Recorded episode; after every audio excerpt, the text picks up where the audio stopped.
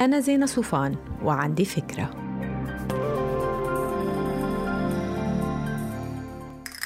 هاي بدك تكوني مذيعة تلفزيونية أو أمام الكاميرا؟ هيدا هو حلمك بالحياة؟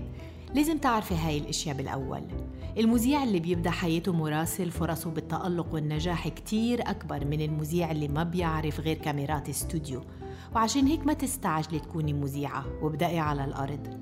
تاني شي اعملي بجد وكوني دايما جزء من فريق. كوني جزء من عملية التحرير. اقري كتير وتابعي مجريات الأحداث وتحليلاتها من حولك. ما حدا بحب المذيعات الديفا اللي ما بدهم غير يتمكيجوا ويقعدوا قدام الكاميرا.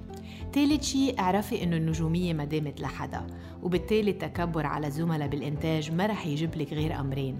أول شي طاقة سلبية من حولك وتانيا ذكرى بشعة عند هالزملاء بعد ما تغادري مؤسستهم رابع شي اعرفي إنه هيدا المجال هو مجال مراكمة الخبرة. ما تخافي تعبري عن ثقتك المتزايدة بنفسك مع الوقت. هيدا رح يعزز مصداقيتك على الشاشة ومع ضيوفك اللي بتحاوريهم خامس شي ما تزعلي إذا في مذيعات كسلانين ومحدودين عم ينعطوا الفرص وانت لا هيدا المجال هيك.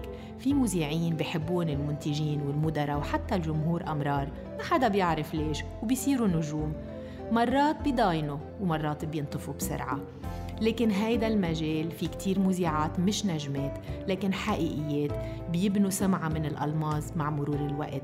بيكسبوا احترام المشاهدين وزملاء المهنة على حد سواء. وبيصيروا هن الجسر اللي بتعبر عليه قيم المهنة الأصيلة من جيل لآخر. بليز إذا بدكم تكونوا مذيعات كونوا مذيعات حقيقيات